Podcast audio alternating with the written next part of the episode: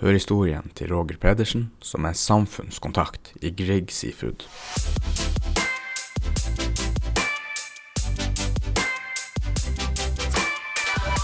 Ja, skal vi bare hive i gang, da. Kjør på. Velkommen hit. Takk, takk. Du har vel vært noen år i Kunnskapsparken nå? Ja, faktisk eh, helt siden 2006. Ja. Så jeg har eh, Jeg bruker å fleipe med at jeg har gått etasjene opp. Jeg starta i andre etasjen i Innovasjon Norge, og så gikk jeg til tredje etasjen i eh, Visjoner, og så har jeg vært de siste ti årene i fjerde etasjen i Grieg Seafood. Ja, Så der kommer jeg ikke lenger. Ja, det er en naturlig oppgang, det. Ja. Så eh, har, Hvor lenge jobbet du så du begynte i Innovasjon Norge? ja. Hvor, eh, hvor lenge jobbet du der? Ja, det er fire år. Jobba med sjømat. Ja. Det var vel på mange måter inngangen til Grieg Seafood eh, etter hvert. Ja. Altså, har du, du har ikke noen utdanning som er retta mot, mot det? Eller har det bare kommet av naturlig interesse gjennom åra? Jeg er jo en godt voksen mann som har pusla med litt uh, forskjellig opp gjennom tida. Utdannelsen min er jo eh, fra Norges landbrukshøgskole, som det het den gangen, med natur- og ressursforvaltning. Så de fleste av de som jeg studerte sammen med, de, jo, eh, de jobber jo nå med miljøspørsmål eh, rundt omkring i departement og statsforvalter og direktorat osv. Så, videre. så jeg har vel gått en litt annen vei enn dem, så jeg møter dem på andre sida av bordet nå. Ja, ja. like greit. Da har man jo kunnskapen som trengs til å Ja da, absolutt. Ja, ja. Så eh, det er jo i forhold til den retninga som havbruksnæringa har tatt, og som er viktig for oss å ta i havbruksnæringa, så blir jo faktisk den eh, formelle bakgrunnen min eh, bare viktigere og viktigere, faktisk. Med forståelsen i forhold til det med, med fokus på miljø, fotavtrykk, villaks og alt det som, som vi eh, jobber mye med, og som vi eh, må jobbe mer med. Så når du var ferdig på studiet, hoppet du rett inn i jobben da i Innovasjon Norge? Nei, nei, nei. Eh, I lang periode så var jeg jo kjent for uh, Gikk under navnet her i Alta for Miljø-Roger. Ah, ja. Det, var- det var lenge siden. Det var på eh, tidlig 90-tallet.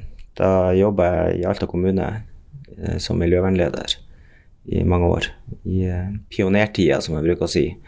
Det var helt i oppstarten. Så eh, det var en spennende periode. Og så har jeg Etter det så har jeg jobba i syv år eh, i det som heter eh, Reindriftsforvaltningen. Okay. Jeg var faglig ansvarlig for, for hele Norge og reindrifta i, i dette landet. Så jeg har holdt på med litt av hvert. Mm, ja, absolutt. Vært i næringsavdelinga i kommunen. har vært. Mange kjenner jo Jørgen Kristoffersen godt. Vi begynte omtrent samtidig i kommunen, og ja. han er der fortsatt. ja, har han vært der i 20-30 år nå? Jeg tror han begynte i 89. Eller Ja. 90. 90, kanskje. Så eh, ja, nei da. Vi møtes fortsatt med, i ulike sammenhenger. Ja. Jeg så han var jo senest på det åpne møtet dere hadde. Da var han jo til stede og snakka litt. Ja, ja da.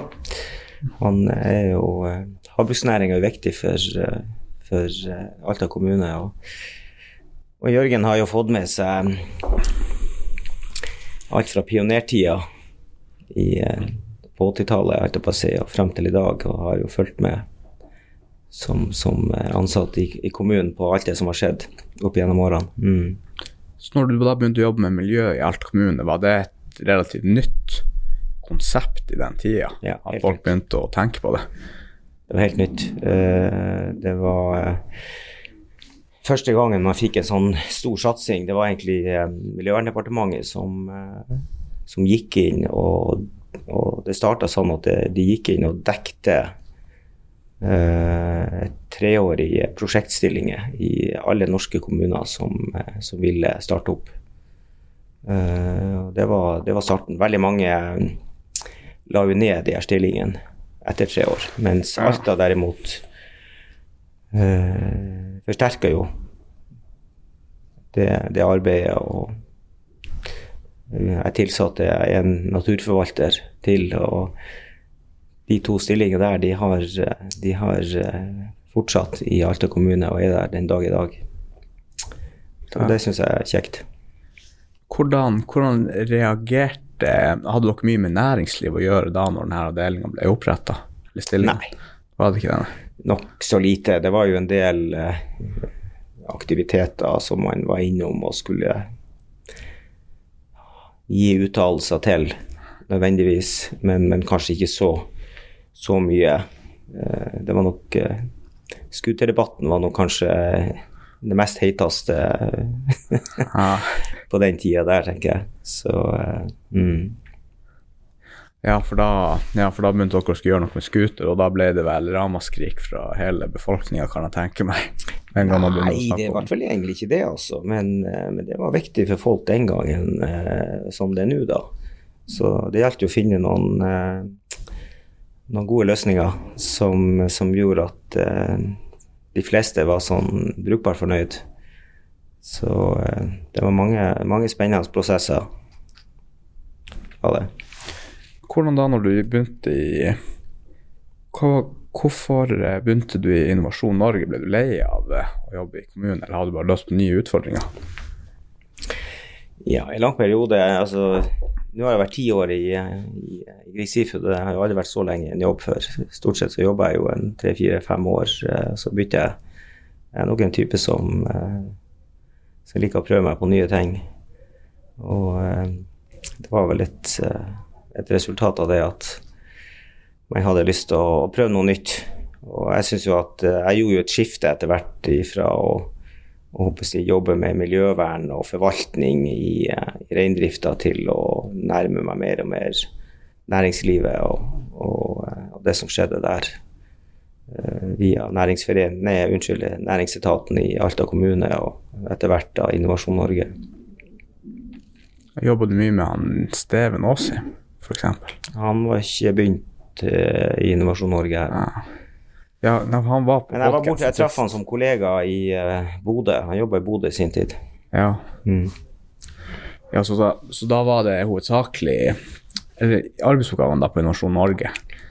Begynte du rett på sånn havbruks... eh, Ja, det var et, det var et, um, et veldig tydelig prosjekt. Vi skulle jobbe med markedsaktiviteter for eh, sjømatbedrifter i Finnmark. Hva var utfordringa da, egentlig? Nei, utfordringen Vi gjorde jo eh, vi, vi var jo ganske dristige. Vi prøvde oss jo til og med på å jobbe fram en egen brand og se om det var mulig. Og, eh, og eh, det var nok mange som tenkte at det var litt vilt og hårete og sannsynligvis ikke mulig å få til. Men vi jobba jo ganske lenge under et under et felles fane som heter Seafood from Finnmark. Så der gjorde vi jo en del fellesprosjekter på sjømatmessa i Brussel og hadde egen stand. Og vi, etter hvert så gjorde vi en del eh, spennende ting sammen med reiseliv. Vi var på Kjørte prosjekter i Moskva i, Ja. og gjorde sånn co-branding, ikke sant. Så Vi hadde Finnmark reiseliv. Og det å koble mat og sjømat sammen med, med reiseliv var egentlig veldig spennende. Og, eh, og det var Der var vi eh, ganske tidlig ute og gjorde en del eh, spennende ting. Og man ser jo fortsatt at det å å styrke historiefortellinga fra en reiselivsdestinasjon gjennom den maten som produseres, er jo veldig viktig. Og det var egentlig det vi gjorde. Eh, å markedsføre Finnmark som en, en viktig eh, sjømatdestinasjon sammen med reiseliv. Så ja, vi uh, pusla med mye forskjellig. Hva gikk det mest i da reise og være på messe og møte sånn, eller hva brukte dere f.eks. Nei da, vi eh? Jeg jobber jo også med finansiering av prosjekter. Eh, da mot sjømatbedrifter som, eh, som eh, jobber med nye produkter, nye marked, nye konsepter. Så det var det jeg brukte mest tid på. Å sitte eh, i dialog med bedriftene og, og finne ut hva slags behov de hadde, og hvordan Innovasjon Norge kunne være en, eh, en, eh, en støttespiller. og ikke bare trekke til dem penger, men like mye og kanskje enda mer hva slags kompetansemiljø var det de trengte for å komme videre. Når eh, eh, For en eh, For å markedsføre det her eh, konseptet til resten av verden, hvordan metoder brukte de oppdrettsnæringa for å nå ut med denne kampanjen? Brukte de sånn eh, TV-reklamer rundt omkring i Europa og Asia, eller er Nei, De kom jo aldri så langt at en brand ble en realitet. altså Poenget var vel at, uh, at bedriftene hadde sine markedskanaler. Uh, og det, det, er vel, det er vel sånn det fortsatt er. At uh, de er jo litt sånn, de er jo litt ulike. Noen selger, noen selger produktene sine direkte ut til, til markedet og har egne salgsavdelinger. Men eh, Og det har jo sånn som oppdrettsselskapene, de store oppdrettsselskapene, alle de har jo egne salgsavdelinger nå. Mens de litt mindre oppdrettsselskapene og veldig mange av de her hvitfiskprodusentene, de, de bruker jo eksportører som mellomledd som selger, selger fisken for dem. Ja. Mm. Det er sånn det funker. Så det, det selger de det da direkte til en varehandel som Coop på bunnpris og en butikk, eller er det, er det noen oppdrett nå i dag som har eh, utsalgssted også? Er det noen sånne oppdrettsaktører som har hele verdikjeden fra A til Å? Ja. Men ikke utsalgssteder. Det har du jo ikke. Men du har jo hele verdikjeden, holdt jeg på å si, på et vis. Uh, men, men uh, du har jo ikke supermarked, eller du har jo ikke uh, den type sluttkunder slutt, innenfor verdikjedene til, til, til selskapene. Det, det, har du ikke. Men, men ellers så er det mange som har som har si, fra rognproduksjon og og til ferdigprodukt i, eh, vakuumert i pakke som går ut til frysedisken på supermarked. Det er liksom den lange verdikjedereisa som, uh, som veldig mange har. Mm. Det er det. Ja. Nei, for som jeg skjønte, så er jo laks er vel ganske eksklusivt rest om, om, i Asia og Frankrike, og er vel ikke målet å, å eh, selge det for 1000 kroner per måltid ute hos eh, aktører og restauranter. Ja, altså det er jo eh, Altså eh, det er jo forsvinnende lite av den laksen som produseres i Norge som, eh, som, som blir omsatt i Norge. Det er jo nesten ingenting. Det er jo så store volum. Eh, jeg tror det produseres hver dag rundt 40 millioner laksemåltid. Såpass, ja. Og det er klart at det, det, det, det, sier jo litt om um, at det her går ut i den store verden. ikke sant? Uh, veldig mye går ut til Europa uh, med bil nedover til, til, til Finland, holdt jeg på å si, og videre, videre sørover så går jo noe Hvis du tenker på fisken herfra, så går den jo eh, enten direkte ned til Europa med bil, eller han, eh, de går til Oslo og så lastes om, og så flyges det til Asia spesielt, men også eh, USA og en del andre fjerne, fjerne strøk. Det er jo liksom reise, reiseruta for fisken. Mm. Ja. Det er i hvert fall der eh, Det er i hvert fall de, og det vel det gjelder vel alle oss som holder til her oppe NRS og Cermaq og vi, så, så er, det, er, det, samme løypa. Det går opp kløfta. Ja, ja. ja. Så nå eh, satser dere på at det blir en ny eh, tunnel der? Ja, det er klart at den er utfordrende eh, i perioder. Og det er klart sånn Bare oktober, november og desember, altså de tre siste månedene det her året, den perioden vi, eh, vi er i akkurat nå, så skal bare vi fra vårt lille slakteri på Simanes, så skal vi altså sende 600 fulle trailere opp lufta. Ja, så det er jo et eh, det er jo ganske, ganske vilt, eh, ganske vilt volum som, som, skal på hjul og, og sørover. Mm. Så det, det, det, kan være av og til være litt sånn vanskelig å forstå uh, hvor, uh, hvor, hvor, stort volum det er. Men, men i realiteten så er det jo sånn at, at når vi kjører to skift nå, så, uh, så produserer vi så produserer vi en, rundt 800 000 måltid hver dag. Ja, det er latterlig. Prøv, prøv å sette det i et uh, sånt kanskje mer forståelig perspektiv, så um, ja. Så det, det handler om volum, og det handler veldig mye om logistikk, selvfølgelig. Det er, det er, det er jo det hele næringa handler om, fra start til mål. Det handler fryktelig mye om logistikk, timing. Mm. Eh, gjør ting på det rette tidspunktet, få flytta fisken til den rette lokaliteten på det rette tidspunktet. Og ting skal klaffe. Der er mange eksterne involvert, masse eksterne selskap som, som leverer båttjenester og andre tjenester som, eh, som skal inn på riktig tidspunkt og gjøre sine ting for at det her skal gå i hop. Så har du vær og vind som du ikke kan kontrollere, som, som kommer inn som en sånn X-faktor eh, i alt det vi gjør ute. Og eh, det gjør at vi må være veldig gode å planlegge. Og det betyr at vi må ha både plan A, B, C, D og E.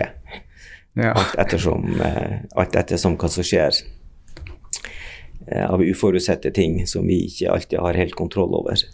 Eh, det er jo det er jo det som av og til kan være krevende for oss, eh, men samtidig så er det jo noe av det som er noe av det mest spennende med å jobbe i, eh, i, i oppdrettsnæringa. Det, det er jo akkurat den der eh, det at vi jobber med biologi og, og levende fisk, og vi jobber med, med biologi i et i, i, åpne, i, det åpne havet, hvor, hvor du ikke har verken kontroll over temperaturer eller bølgehøyde eller strøm eller, eller, eller vær og, og vind. Eh, og det, det, gjør at du får, eh, du får stor variasjon eh, i, i, arbeidet ditt, og du møter på mange utfordringer som du er nødt til å løse. og Det tas beslutninger fortløpende som du er nødt til å ta. Du kan ikke sende ting til utredninger i, hos oss. Mm. Det må du må skje nå. Det må det skje nå. Og det blir vi gode til. Det, det gjør vi. Så, så, det tror jeg nok er det som fascinerer mange med å jobbe, jobbe i næringa. Akkurat den komboen der. Så er det selvfølgelig jævlig mye flinke folk som, som vet hva de holder på med i alle ledd. Og det er også avgjørende, selvfølgelig. Mm. Så Jobba du tett med oppdrettsnæringa når du begynte i Visjoner? Ja, både ja Jeg hadde vel noen prosjekter. Eh, jeg var jo bare, jeg var bare et år der, så det var mm. begrensa hva, hva Jeg husker jeg jobba med oppstarten til Jonas Haugen. Oh, ja. Med isoporfabrikken hans. Ja, ikke sant? Det hadde jeg jo inne som et prosjekt, så det han har jo hatt ei spennende reise fra ja, han starta da. Jo, det er bra. der han er nå, da. Så vi var jo Grieg Seafood eh, var jo kunden hans. Mm. Eh, og eh, jeg jobba jo som leder på slakteriet eh, en del år.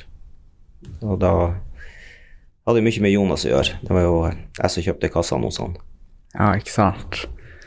Ja, for før, da ble kassene produsert i eh, Hvordan ble produsert før, før de fikk den fabrikken her i Alta? Nei, vi fikk helt kassa fra, fra Troms. Eh, Nordkjosbotn hadde vel en produksjon. Ja, så da Konseptet var da at man kutter kostnader pga. at det blir billigere å transportere dem siden det er så nært til kjernen? De fleste store fabrikker i dag de har jo kassafabrikken eh, vegg i vegg i fabrikken. Å ja. ja det det er meget enkel teknologi. Det er ikke noe eh, rocket science.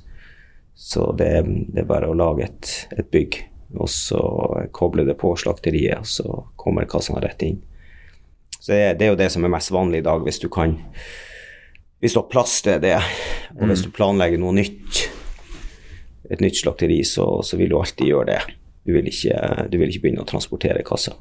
Ja, nå er det vel ikke mer plass igjen på Simon Estjubben? Det er ikke mer plass. Nei. Der er det ikke plass til noen kassafabrikk. Så nå er det jo Nå har de bygd et gigantisk bygg oppe på Skillemoen. Å ja. Så der eh, blir jo eh, kassene produsert eh, i et topp moderne anlegg nå. De kommer vel i gang utpå vinteren.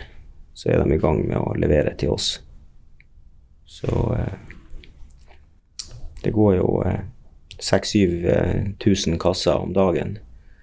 Ja, det er litt. Så det er et- stort volum. Så det, de som ikke har vært der oppe, må ta seg en tur og, og se på det, det svære bygget og det de gjør der oppe. Det er, det er også flinke folk. Mm. Jeg lurer på om eh, Jeg jobba jo hos AB Elektro før, og da var jeg en del der på Simanes og jobba litt overtid og var litt sånn vakt der av og til Og det var eh, slakting på gang. Mm. Så det var jo veldig bra plass å jobbe, og fikk gjort mye og lært mye, i hvert fall fra oppdrettsnæringa, når man får jobbe så tett på alt som skjer. Liksom. Man er litt i slakkeriet og pakkeriet, og det er veldig mye sånn avanserte systemer der. Og, og alt er jo i rustfritt stål, som også legger merke til, og det er jo ikke så veldig billig det akkurat, når du skal ha en hel produksjonslinje av rustfritt stål. Eller er det syrefast stål, eller hvordan er det? Ja, det er vel begge deler. Ja. Nei, det er klart det er jo eh, Mesteparten av det vannet som går gjennom der, er jo saltvann fra, fra havet som vi renser, og det er klart at det, det må tåle Alt det vi har av utstyr, det må tåle, tåle det, så, eh, så eh, Nei, det er en eh, det er en tight, det er en tight fabrikk, som sagt, som, som kjører utrolig mye fisk gjennom hver, hver eneste dag. Så det er utrolig spennende. eh, Og for den som ikke har vært på et lakseslakteri, så, skal dere virkelig se action, og at eh, ting skjer fort, og at eh, ting må eh, må funke over hele linja, så, så skal du ta en tur og, og, og eh, besøke slakteriet, for der, der, der, der henger det sammen på den måten. Det, det, og det er veldig mye sensorikk og eh, ting som styrer, styrer prosessene. Så det, det er faktisk når Mens vi sitter her nå, så er det 105 stykker som, som er på jobb der. Helsike. Ja, da er det jo fullt kjør. Mm, det er det.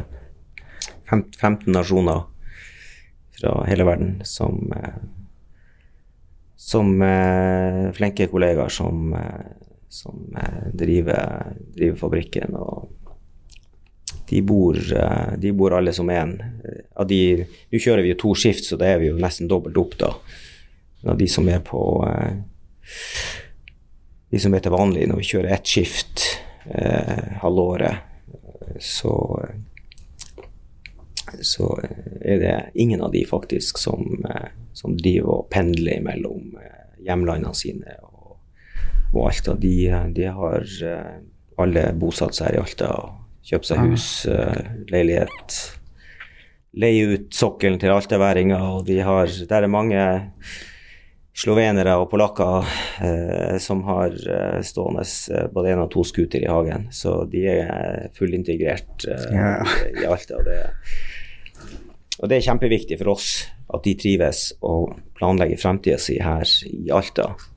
Det betyr når du kommer på jobb, så, så skal du ikke bare tenke tre måneder fram i tid, men eh, du har tenkt å, å være på den jobben eh, i lang tid fremover, og det, det gjør noe med det.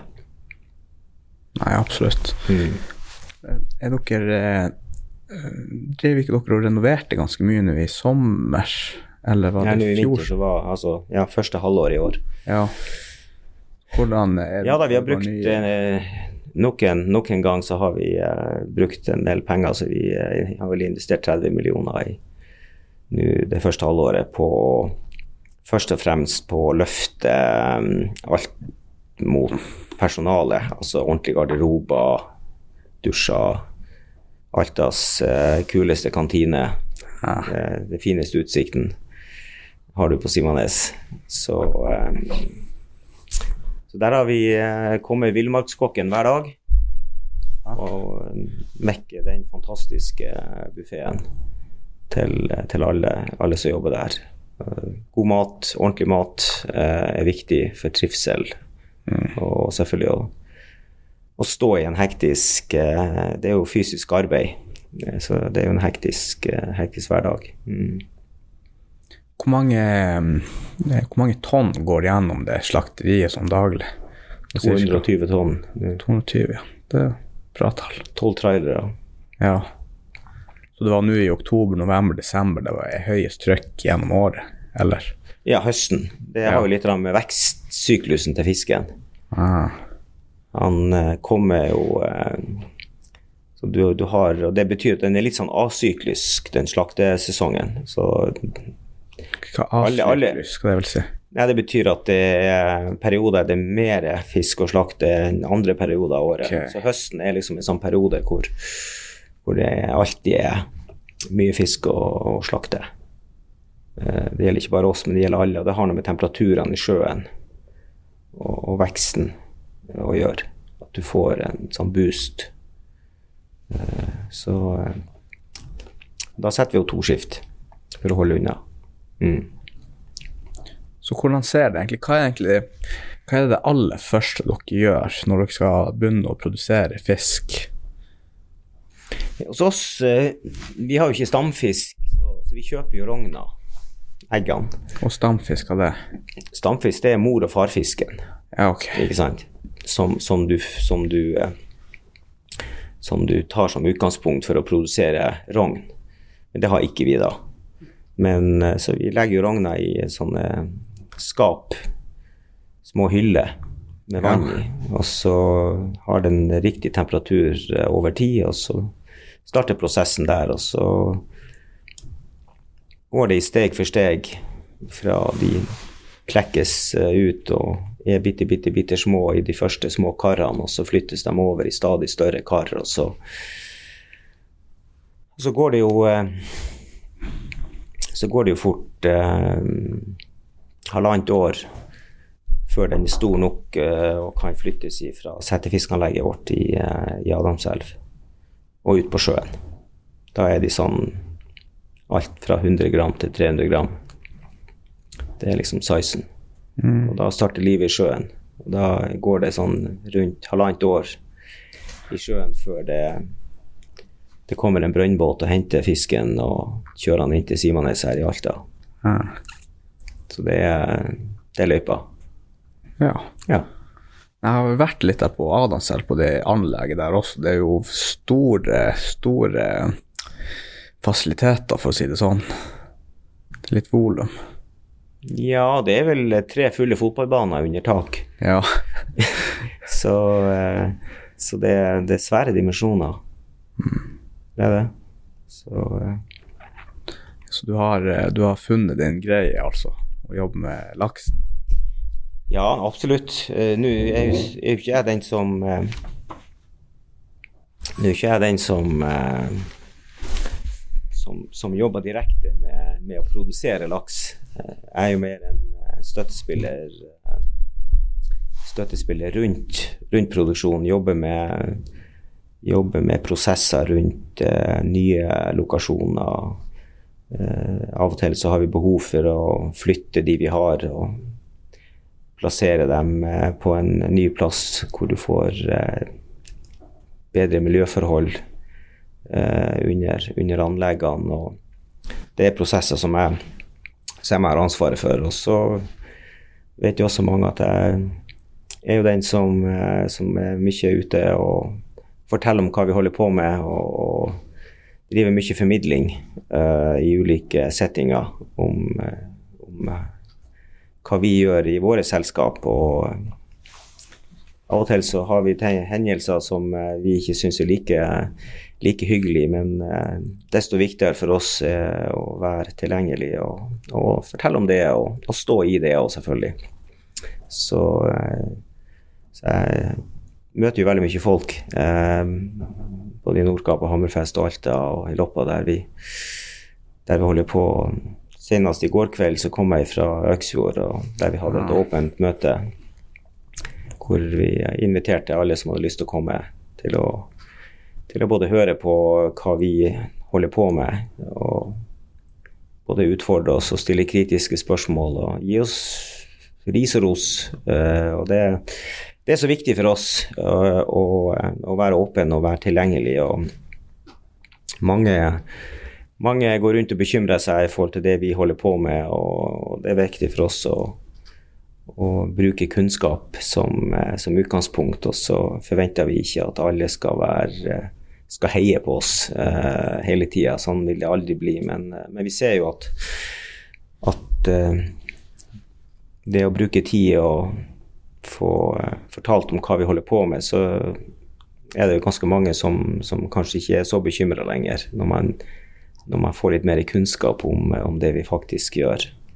Og, og, det er sånn verden fungerer, og der må vi bare holde trykket og, bli, og bruke enda mer tid på det. Så eh, det vi holder på med her ute i Altafjorden, eh, å produsere mat, det vi gjør, det må vi ikke glemme. Uh, mm. Og vi blir kjempeflinke til å produsere mat, mat som uh, verden betaler masse penger for. Og som gir uh, ikke bare gode inntekter til Grieg Seafood, men, men det er jo en svær industri rundt oss, bare her i Alta, som, som, vi er avhengig av for å kunne prestere godt. Så vi er jo et stort havbruksmiljø, vil jeg si, hvis du tar med som, som eh, sysselsetter en 400-500-600 mennesker, vil jeg tro, her i Alta. Så, mm. så eh, det, det, er en stor kraft eh, og en svær kunnskapsbase. Utrolig et kompetent miljø som ikke bare selger varer og tjenester til oss her i Vest-Finnmark, men som jeg bruker å si, er du er du god nok for å levere en vare til Grieg Seafood Finnmark, så er du god nok for å levere varen til hele verden. Uh, og det gjør jo flere bedrifter her i Alta, og det syns jeg er kult. Uh, at, at, det kan være sånn. Mm, absolutt. Ja. Mm. Men hvordan, ikke sant Du er jo samfunnskontakt nå for mm. Seafood. Hvordan er det å være deg når uh, ulykken først er ute? Er det liksom media, det er deg de kontakter med en gang, f.eks.? Ja. Det er det, ja. Mm. Så f.eks. hvis det er snakk om noe snøskred eller klorutslipp, så hvordan ser din dag ut når noe sånt skjer? Det ser ikke bra ut. Nei. men, eh, men, men, det er jo eh, det er en viktig jobb å, eh, å svare og, og, være tilgjengelig og fortelle om hva er det som har skjedd, hva, hva vet vi så langt. Og, og å nå ut med, med den informasjonen. Og så, så, vet du jo når det er sånne alvorlige hendelser, så, så, er det jo sånn at vi har jo ofte, når media ringer, så har jo ikke vi full oversikt eh, eh, på det tidspunktet. Så vi må jo vi må aldri begynne å spekulere. Eh, vi må dele det vi vet, og så må vi heller oppdatere fortløpende etter hvert som vi vet mer. og det, det respekterer media. Uh, selv om de har veldig lyst til å få oss til å begynne å gjette og anta ja, ja. osv. Men, men, uh, men eh, så får vi jo litt trening på det her også etter hvert, nødvendigvis. så, så ja. Vi har jo hatt et par runder i, i, i år som, som, vi gjerne skulle vært foruten. Men, men jeg opplever jo at vi har fått positive tilbakemeldinger på måten vi har håndtert det, og det, og det er viktig for oss å, å, vite at når vi først står i det, så, oppleves vi å være uh, ryddig og, og redelig. Uh, og ikke oppleves ikke verken å prøve å gjemme oss eller prøve å dekke til noe, men, men er, er veldig åpen og, og direkte. Mm. Så hva, hva sånn Kan du eh, Har du noen kanskje tips til eh, f.eks. hvis bedrifter har sånn, sånn uforutsette hendelser og skal ut i media? Er det noe man bør tenke ekstra på, eller er det bare å holde deg rolig, ikke si, si det du vet, og være åpen og ærlig? Ja, det å, det å, være, det å være tilgjengelig er jo punkt én at ikke, at ikke avisen eh, lager en reportasje og kommer med bilder, og så sier de de har prøvd å få tak i daglig leder, ja. men vedkommende var ikke tilgjengelig. Det er jo det første smellen enkelte går på. Så, så ta telefonen. Ja. det, det, er pri én. Og så er det jo å være, å, å være, være åpen og, og, eh, For det verste som skjer, det er at en journalist sitter og kjenner at her er det noe som er skjult. Her, hold, her har du holdt noe tilbake. Her har vi ikke fått alt. Eh, da er du ferdig. Ja. Um, så, så, er det gjerne lurt å, å, å, å kanskje bruke pressemeldinger, at man gir seg sjøl den timen ekstra til å, skrive Uh, Istedenfor at du skal svare på 30 telefoner, og så sier du ja. litt forskjellige ting, og så, og så begynner det å koke. Så da kan det være greit å styre informasjonen. Det betyr jo at du lager en pressemelding, så går det ut til alle. Og så sier du at vi kommer med ny oppdatering om to timer når vi vet mer. Det har også media respekt for, at man gjør det på den måten. Eh, det kan fort være krevende hvis du skal ta alt det her over telefonen. Da går tida, og du risikerer at du, små nyanser eh, kan være litt sånn forskjellig, og så plutselig så oppleves det at det budskapet som kommer i den avisen og den ja, avisen, ikke, ikke, er det samme. Og det skaper også, eh, det skaper også fort spørsmål om man har vært ærlig eller ikke. Så ja, ikke Da er du jo til og med i en veldig stressende situasjon fra før av. Ja, ja. Absolutt. Så uh, Nei da. Så det, det må være et råd. Noen råd ja. til hvordan det kan håndteres. Så ja. Også når det kommer til hva man må tenke på hvis du skal sette en merd i et nytt område? Det Er sånn gjennomstrømning og hvordan fiskeliv er det fra før av? Er det noen sånne kriterier man setter setter grunn. her er jo et, det er jo et, eh, et kjempestort prosjekt som involverer alle forskjellige interesser og myndigheter. Men eh, starten er jo kommunen.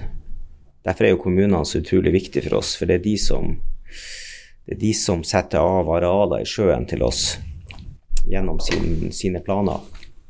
Hvis de ikke lager arealer til oss i planene, så får vi heller ikke eh, nye arealer. Så enkelt er det.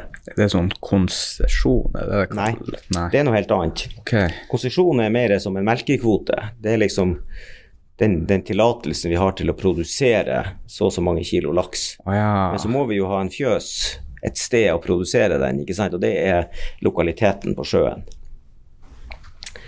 det kan og til være litt sånn vanskelig å skille mellom de her tingene. Men, eh, men når kommunene f.eks. har lagt til rette og sagt at her ønsker vi havbruk, så starter jo det en prosess. Og, eh, og, da må vi jo gjøre masse eh, undersøkelser som, som, kreves, som ikke vi kan gjøre, men hvor vi må leie inn en uavhengig tredjepart som både skal vurdere strømforhold og Utstyret skal også vurderes i forhold til hvor, hvordan, hvordan, hvilke dimensjoner skal det være på fortøyningen. Hvor tung skal ankrene være. Dette er også uavhengige konsulentfirmaer som, som, vi må bruke, som vi ikke har lov til å holde på med sjøl. Så er det type Aquaplaniva? Og... Aquaplaniva, Aquastructure. Eh, de er inne i de her prosessene. Det, vi bruker de to selskapene. Så eh, så det er, det er, veldig mye kompetente miljø som er inne og sikrer at uh, ting blir solide, og ting blir uh, Fortøyningen og ankrene er kraftige nok og tunge nok og blir plassert på rett plass. Uh, og det er faktisk sånn at når Ja, det blir fort 20-25 fortøyninger på et anlegg. Og, de, og de kan jo være opptil en kilometer lang, ja. hver av de, hvis det er dypt nok. Og de skal filmes. Så når det er gjort, så blir det filma hele veien nedover. Alle koblingspunkter. Eh, alt av deler er dokumentert med serienummer og lagt inn i et uh, system. Og uh, skal du bytte ut et sjakkel, så så skal du avviksføre det, og serienummeret på det sjaklet skal føres inn i systemet, og du skal kjøpe et nytt et, og det skal føres inn i systemet med det nye serienummeret, og når du har montert det på, på 30 meters dyp, så skal det filmes eh, og for å dokumentere. Så det er en eh, Vi er gjennomdokumentert eh, så det holder. Eh, men det er klart at det har også løfta oss eh, med tanke på at vi har veldig mye mindre hendelser, mye mindre rømminger, mye mindre havari. Eh, og ting generelt er jo tryggere også for de ansatte i sum. og det er jo så det er jo sånn det skal være. Så det er jo Det har jo vært en, en viktig og en, en, en ønska utvikling i en, i en næring som etter hvert er blitt en stor industri, og da må det være sånn. Mm. Dere henter mye inspirasjon da fra oljenæringa? Ja, jeg tror mange vil kjenne seg igjen i forhold til de systemene vi bruker uh, hos oss, og, og, det som er brukt i olje- og gassnæringa. Jeg tror nok at det, vi er vi er nok på samme nivå som, eh, som, som de er. Det er som krav til dokumentasjon og, og hele veien på, på, alt det som gjøres. Det, det, er det. Så vi har jo det er jo litt artig. Vi har jo akkurat fått en ny kollega her i høst som kommer ifra, som har jobba 12-15 år i, i olje- og gassnæringa med ulike jobber. Ja. Som, er, som, er, kommet og begynt hos oss på teknisk eh, avdeling. Så eh, det syns vi er litt artig at vi kan hente folk derfra og ta oss. Ja, det er jo bra kompetanse å ha. Veldig. Veldig bra kompetanse. Absolutt. Så, mm. For dere bruker jo også ganske mye av eh, lokalt næringsliv, som har skjønt, når dere skal ut, utvide på anlegg og gjøre forbedringer og ja, altså vi, vi, har jo en policy i våre selskap at, at de varene og tjenestene som finnes lokalt, og hvis de eh, hvis, de, og hvis de holder den kvaliteten som vi må ha, så kjøper vi det lokalt. Uh, så Det betyr at, at vi som bedrift, vi handler jo for 200 millioner kroner i året hos lokale bedrifter her i, uh, i Vest-Finnmark. Uh, og det gjør jo at vi, vi blir et, et, et, miljø sammen som, som, utvikler oss i lag. Hvert som vi skal strekke oss videre Eh, vi skal nå nye eh, mål på fotavtrykkene våre på enten det er CO2 eller det er på, på, eh, på sortering og gjenvinning på plast f.eks., så, så gjør vi det her i lag med leverandørene våre. Så utfordrer vi dem. og det er, jo, det er jo, gjennom den, den, den, måten å samhandle på at vi også kan bli bedre. Det er jo at våre leverandører eh, også tar de nødvendige stegene. Det, det, er vi helt avhengig av. Så, så, det å ha veldig mange bedrifter tett på oss uh, her i, i, i Vestmark uh, er jo en, en, og flinke bedrifter er jo en stor fordel for oss. Da kan man kanskje ta eh, Arge som et eksempel. Lager ikke de mye rør til, til oppdrettsnæringa? De er jo en stor produsent av fòrslanger.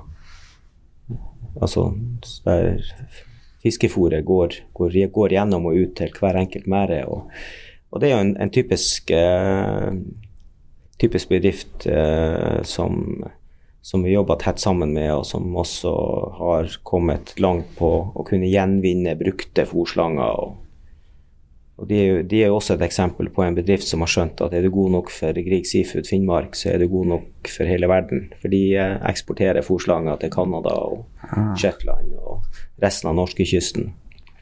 Så eh, ja, veldig artig.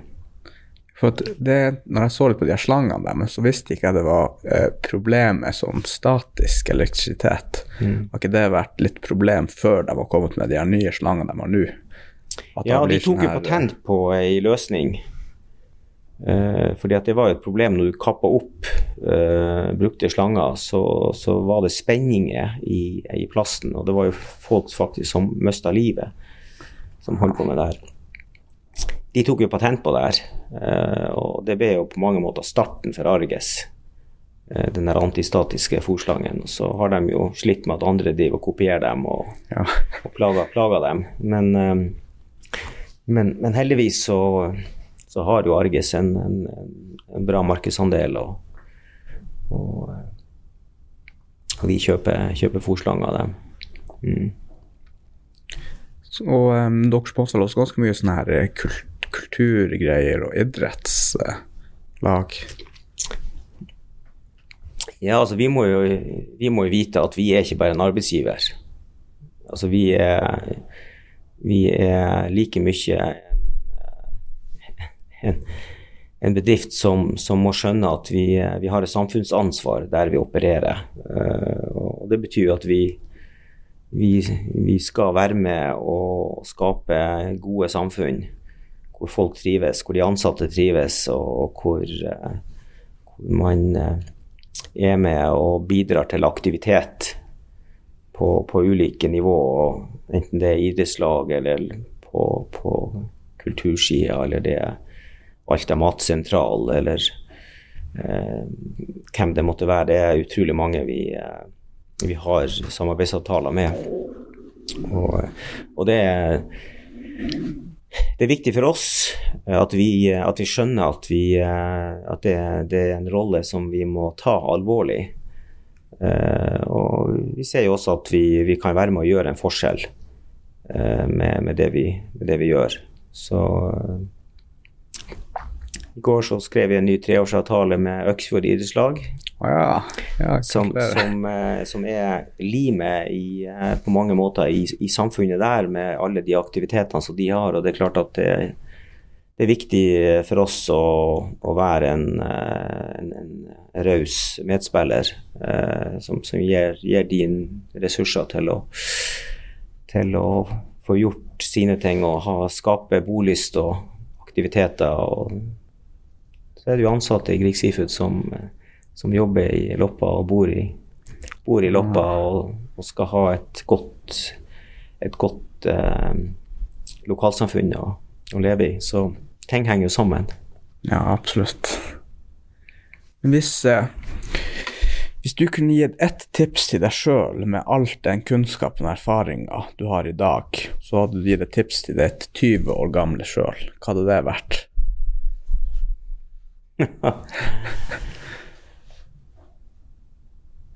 Nei, eh, jeg tenker vel at, at jeg har jo eh, Jeg har holdt på med utrolig mye forskjellig, så jeg tenker at, at, eh, at det, det, er jo Det har jo litt med den typen man er. Jeg er jo sånn som sliter med å sitte i ro på stolen ja. mer enn mer enn en, en halvtime slengen. Og, og, for meg så, så vil jeg vært egentlig ikke være redd for å prøve ut nye ting. Ikke være redd for å kaste deg ut på, på nye, nye, prosjekter. Og, og, og, det tror jeg at man sånn sett uh, Det bruker jeg også å si til enten det har vært mine egne unger som, som har starta med, med med én ting, og så har man etter hvert uh, funnet ut at det var ikke det man og ikke den utdanninga man, man, man, trivdes med, så, så, så, er det tenker at eh, det, det, er, det, skal man ikke være redd for. Eh, og man skal ikke være redd for å gjøre nye valg, eller man skal ikke være redd for å prøve nye ting. Og, men forfølg det man har lyst til å gjøre, tenker jeg. Det, det, det er viktig. Og ikke bli sittende fast. Det, det, tror jeg. Det kommer mye, mye, energi ut av det. Man lærer veldig mye. Og for min egen del så Nå har jeg jo passert 60 og har jobba noen år, og det er klart at eh, man har jo med seg ryggsekken uansett hva slags eh, eh, ting jeg har holdt på med, så, så har jeg det med meg i sekken nå i dag når jeg jobber i Grieg Seafood, og, og ser jo at man, man, bruker det jo. Noe bruker man mer enn andre ting, selvfølgelig, men eh, men eh, man har, man har, det med seg. Det sånn vil det være for alle. At man gjør forskjellige ting, og så tar man det med seg eh, og kan bruke det. Ja, og så får man jo en større ryggsekk hvis man er forskjellige plasser, og ikke bare er på den samme plassen og gror fast, f.eks. Da stagnerer jo kanskje litt eh, veksten. Ja, men du kommer litt an på Altså, jeg har jo vært i Grieg i ti år, men det her er jo fjerde jobben jeg har i Grieg da. Oh, ja, ja. Sånn at uh, det er jo mulig innenfor en bedrift å gjøre litt forskjellige ting. Og det har jo også vært litt av uh, det som har vært spennende i, uh, med, med, med, å jobbe i, i Grieg Sifu, det er at man har fått muligheten til å, å jobbe med forskjellige ting. Så, så hva, vet, hva vet jeg? Kanskje jeg gjør noe annet neste år i Grieg. Det er vi jo. nei, jeg gjør vel neppe det, men Men uh, you never know. Uh, ja, men det, det gjelder jo mange bedrifter som, som, som har rom for å gi, uh, gi, folk muligheter til å gjøre nye ting. Og det er jo, og det er viktig, å, det er jo viktig å, å, være, å være, der og, og, gi folkene sine nye utfordringer og, og noe å strekke seg etter. Hvis det er folk man ønsker å ha, så, så er det så er det ofte muligheter til å, til å finne løsninger og la de få nye utfordringer. Det er jo en veldig bra metode for å beholde kompetent arbeidsplass i bedriften. Ja da, og det, det gjør jo vi også hele veien hos oss. Og hvor folk eh, kan følge karriereløype, enten det er på slakteriet eller det er ute på sjøen eller det er på eller, på, eller det andre plasser, så, så, gjør vi det hele tida.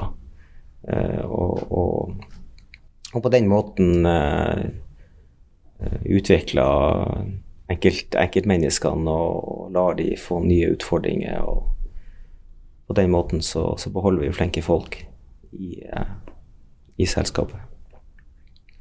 Har, har, du noe fritid, eller går det bare i jobb? Ja, nei, jeg har masse fritid. Hva du liker å gjøre når du ikke er på jobb, da? Nei, da er jeg mye på tur hele året. Sykler, sprenger, mye på sjøen. Toppturer hele vinteren. Eh, så eh, det Men hva går det med truga da, når det er vinter eller ski? Ja. Står du bare ned etterpå når du har gått? Står jeg ned etterpå. Så ja. ja. Får mye, mye lysløype når jeg går på langrennsski og på vinteren, så jeg er nok litt over middels eh, interessert i å være ute på, på, på tur. Så ja, nei, jeg har masse fritid. Bruker den. Den er viktig. Så du har ikke noen hobbyer utenom å være friluftsmenneske, da? Nei, jeg tenker det er jo eh, tenkte det er jo Det har jeg jo eh, Ja, jeg jakter jo litt, det gjør jeg selvfølgelig. Så, men det er nok mest det er mest å sykle og sprenge og gå på ski i ulike varianter. Da har du vært med i noe sånn Offroad Finnmark? Ja da, det har jeg også. Ja, Og det er vel ganske heftige greier? Ja, og det du må jo helst, må, Det er jo som andre ting, du må forberede deg litt hvis du skal ha en grei tur. Så ja. jeg var med i, i, i, sommer, da. Ja, var det 300, da? Ja. Så eh, jeg vet hva det òg handler om. Ja. ja. Man blir jo litt uh, sliten etter det der. Ja da, det bør man bli. Men hvordan, akkurat når, når, du kommer over målstreken da, i Offroad Finnmark, hvordan føltes det? Eller det var ikke det, men eller, hvordan føles det kanskje dagen etter? For jeg vet hvis man har vært har en heftig økt på trening, ikke sant? så kommer du på jobb dagen etter, da føler du deg jo helt fantastisk. Men hvordan føles det når du har sykla 300 km? Hvordan føles det dagen etter? da? Har du noe energi igjen, da, eller ligger du i koma, eller? Nei, du har jo litt eh, vondt da, da. du er litt mørbanka. Ja, så det, det, kan vi vel, det kan vel slå ut litt forskjellig, da. Men, eh, men, men eh, ja, jeg var litt sånn mørbanka, tror jeg. Ja. ja. Men jeg kunne gå. det er jo positivt. så, eh, så ja. Nei da. Det, det, det, man bør jo kjenne det etter å ha holdt på et døgns tid. Så mm. Jeg fikk Jeg lånte meg en gang en sånn fulldempa sykkel. Da sykla jeg fra hva, Åsveien ut til eh, Bossekopp, opp til kanskje til Skillemo-området der, og tilbake over Reipas og til Elvebakken og opp den bakken, den Elvebakken skole, og så tilbake til Åsveien. Det sykler jo ikke så mye, så da kom jeg hjem, satte meg på stolen så satt jeg der og slappa av litt, og så skulle jeg bare røyse meg opp og hente litt vann. Så røyste jeg meg opp, så svikta bare føttene, så datt jeg bare på gulvet. Og det var jo at du sier ikke mange kilometer, det. 10 kilometer, 20. så jeg kan skjønne at man må trene litt før man kan eh, delta på et sånn her litt større arrangement. Trening er ferskvare. Mm. Det er nokså enkelt. Så eh, det Så hvis du eh, så hvis du slutter, hvis du er god å sprenge, så må du spreng, skal sprenge fort, så må du trene på å sprenge. Men hvis du stopper opp og trener på å sprenge i tre måneder, så, så ramler du langt tilbake. så det er, det er, bare sånn det er, altså. Tar du noe vitamin, da? frisk luft. Ja. Frisk luft og variert måltid. Nei, det holder. Ja. Det holder. Nei, men eh, da vil jeg egentlig bare eh, takke deg at du tok tida ut av dagen og kom og snakke litt på podkasten. Veldig hyggelig. Ja, takk sjøl. Greit. Ha det bra, alle sammen.